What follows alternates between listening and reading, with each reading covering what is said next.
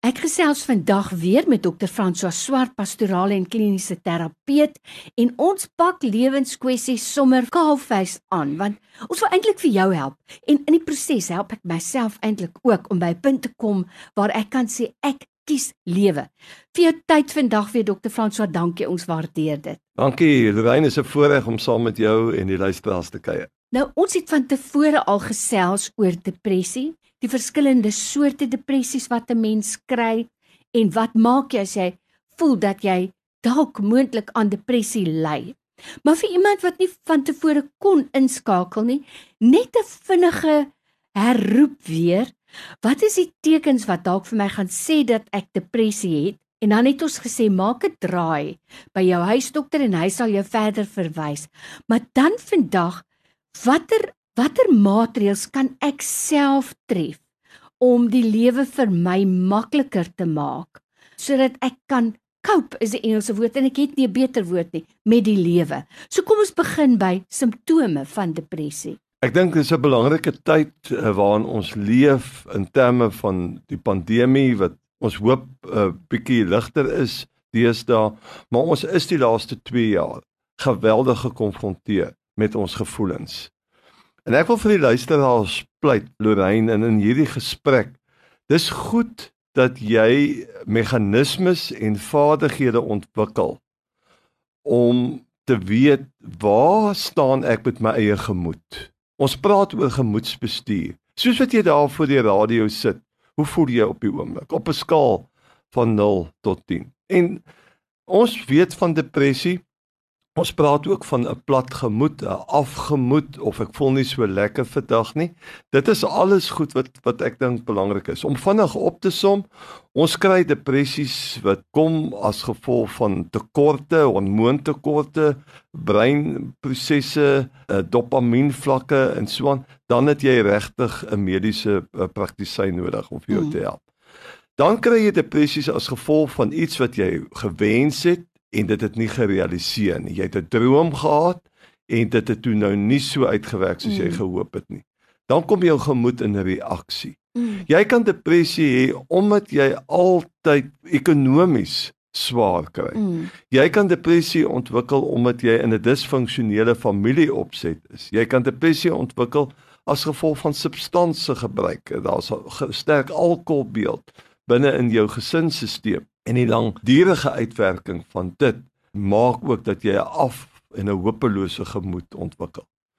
Maar hoe bestuur ons dit? Wat is die kenmerke? Wat is die simptome? 'n Mens moet in eerste plek gaan kyk van hoe slaap jy? Slaap is 'n baie belangrike instrument om jou gemoed te meet. Slaap jy soos wat jy daar voor die radio sit tussen 6 en 8 ure per nag? En jy staan nie kort kort op nie. Dis 'n oordentlike kwalitatiewe slaap.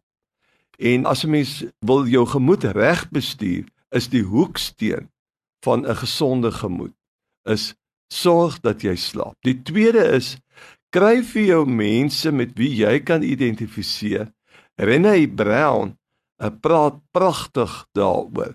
Omring jy jouself met die regte mense mm. en sy praat van Uh, is daar mense in jou lewe wat candle blowers is? Sy gebruik 'n Engelse woord. Behalwe as ons dit in Afrikaans moet sê, is daar mense, uh, kollegas situasies waar die situasie elke keer so neerdrukkend is dat dit jou vlammetjie uitdoof. Uitdoof. En dis negatief. En hierdie vlammetjie is veronderstel, dis jou gees, dis jou siel, dis jou blydskap, dis jou gevoelens. Maar daai vlammetjie word net al hoe dowwer. En jy as luisteraar, hoe hoog brand jou vlammetjie op die oomblik as jy hier na ek en Lorraine luister? Is jou vlammetjie aan die brand? En hoe mens vir jou vlammetjie suurstof gee? Hoe jy jou vlammetjie hoog laat brand? Is dat jy 'n gesonde soort van konstruktiewe verhoudings jouself inweef en inwerk. En dit is dan daarom goed om by 'n geloofsgemeenskap in te skakel wat wat 'n opbouende effek op jou lewe het en dat jy ook 'n mentor kry of 'n 'n lewensafrigter wat vir jou kan help hoe om jou gemoed ten beste te bestuur. Die belangrike ding ook is om joernaal van jou gemoed mm. te hou. En wanneer jy sien jy is langer as 'n week of 2 regtig af. Dit is 'n baie belangrike teken dat jy dan by 'n mediese persoon moet uitkom. Ons praat vandag met jou verder oor depressie wat ons in die verlede al wel by stil gestaan het, maar dit is vir my asof soveel meer mense en ek wil amper sê dokter Frans, so mense van wie ek dit nie verwag nie, deesdae net nie meer met die lewe kan cope nie. En 'n belangrike ding wat jy nou gesê het wat regtig vir my sin maak is dat 'n mens baie versigtig wees met die geselskap wat jy hou. Want as jy jou omring met mense wat aanhoudend neerslagtig is, dit is soos om 'n nat lap bo op jou skoot te gooi. So 'n mens moet tyd met sulke mense maar beperk, sou ek sê. Ons het nou gepraat oor uh, genoeg slaap en om regtig kundige mense te gaan sien. As 'n mens nou begin stap het op hierdie pad. Nou is daar nog 'n stigma verbonde aan depressie. Hoe wyd moet 'n mens dit verkondig want jy wil immers tog hê mense moet verstaan dat jy nou nie meer die die siel van die partytjie is nie. Maar jy wil ook nie hê mense moet jou nou etiketeer as 'n depressieleier nie. Lorraine, jy swer raak oor die hele stigmatisering van depressie leiers. Baie mense verstaan net nie hmm. uh die feit dat iemand so af Sjoe. kan wees nie. Dis ek wil net vooraf 'n opmerking maak in terme van praktiese riglyne. Wat baie belangrik is om om 'n plat gemoed te bestuur, is dat jy jou dag sal beplan. Hmm. Nou watter situasies toe gaan jy vir dag? En dit moet nie te veel situasies wees nie. Twee of drie situasies in die oggend, twee of drie situasies in die middag en dan uh, moet jy baie ontspan. 'n Dag het 3 segmente en twee van die segmente kan jy met 3 aktiwiteite kan jy voed of beplanning doen daar rondom. En dan moet jy gaan kyk, is dit lekker goed wat jy gaan doen? En dan moet 'n balans wees. En ons werk altyd met die balans van doen vier goed wat vir jou lekker is en wat opbouend is, mense wat lekker is om by te wees en dan doen jy die twee goed wat nie so lekker is nie. Mm. En dit is baie keer goed om heel eerste, die goed wat nie vir jou lekker is nie, heel eerste vroeg in die dag te doen. Dan is dit afgehandel. Dan is dit afgehandel en dan kan jy uitsien uh na die dag. Maar die groot ding is beplanning.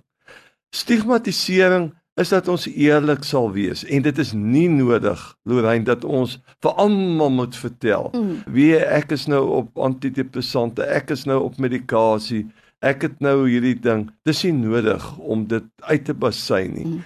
Juis omdat daar soveel onkunde is oor hierdie siekte toestand. Mm. Daarom kies jou mense fyn met wie jy dit deel. Mm. En dit moet kundige mense wees, ingeligte mense en sorg dat jy gereeld ten minste hulle so eenmal in 6 weke gaan sien en so 'n persoon wat bietjie kundigheid het sal dan vir jou help om visualisering te doen vir die volgende 6 weke. Wat het gewerk hierdie afgelope 6 weke? Wat het nie gewerk nie? Mm. Wat gaan ons anders te doen? Hoe gaan ons ons strategieë uh, verander? En dan begin jy agterkom, maar ek is besig om van hierdie uitdaging van 'n plat gemoed. Ek verstaan hom beter en nou kan ek hom beter ook aanpak. Dr. François Swart, pastorale en kliniese terapeut by my in die ateljee. Ten slotte net Dr. François, baie belangrike ding wat jy nou gesê het is rotine. Onthou, as mense in daai diep put is, jy wil nie eers uit die bed uit opstaan nie. Tandeborsel is baie ver af op jou lysie. Maar dat 'n mens miskien net soos jy nou self gesê het, visualiseer, skryf fisies neer. Stap 1, stap 2, stap 3, maar 'n dissipline en 'n rotine kan al klaar baie help. Ten slotte net, as 'n persoon nou regtig waar nie weet watter kant toe nie, Waar kan hulle hulp kry? Jy het nou gesê praat met kundige mense, maar waar's jou eerste stop? Ja, ek dink is 'n goeie vriendin of 'n vriend, iemand wat jy regtig vertrou, wat jy 'n lang pad mee loop.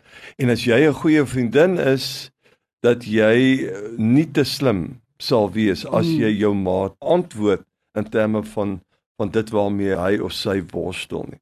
Maar dat jy 'n veilige ruimte skep en sê ek is bly jy dit vir my kom sê. Ons is saam in hierdie ding. Ek wil hê ons moet gereeld daaroor praat en ons kan saam ook na iemand toe gaan Mm. wat vir ons kan help. Ek gaan ook bietjie lees, maar dis vir my belangrik dat ek en jy 'n gereelde afspraak het dat ek hoor waar staan jy. Gaan na 'n goeie vriendin toe. Jy kan na jou pastoor of predikant toe gaan. Hulle is ook mense wat vir jou regtig uh die regte koers kan aandui rondom hierdie uitdaging van depressie. Dis 'n goeie beginpunt en ek dink wat vir my uitstaan daar is ek wat nou genader word deur so 'n persoon moet net bereid wees om aanvanklik eers te luister. Nie te veel te praat en raad te gee nie. Die kundige mense sal wel op die pad kom. Vir jou tyd vandag weet dokter Fransa ons jy nooit kan vergoed daarvoor nie, maar ons is baie dankbaar. Ons waardeer dit. Dankie Lorraine, dis lekker om saam met julle te kuier.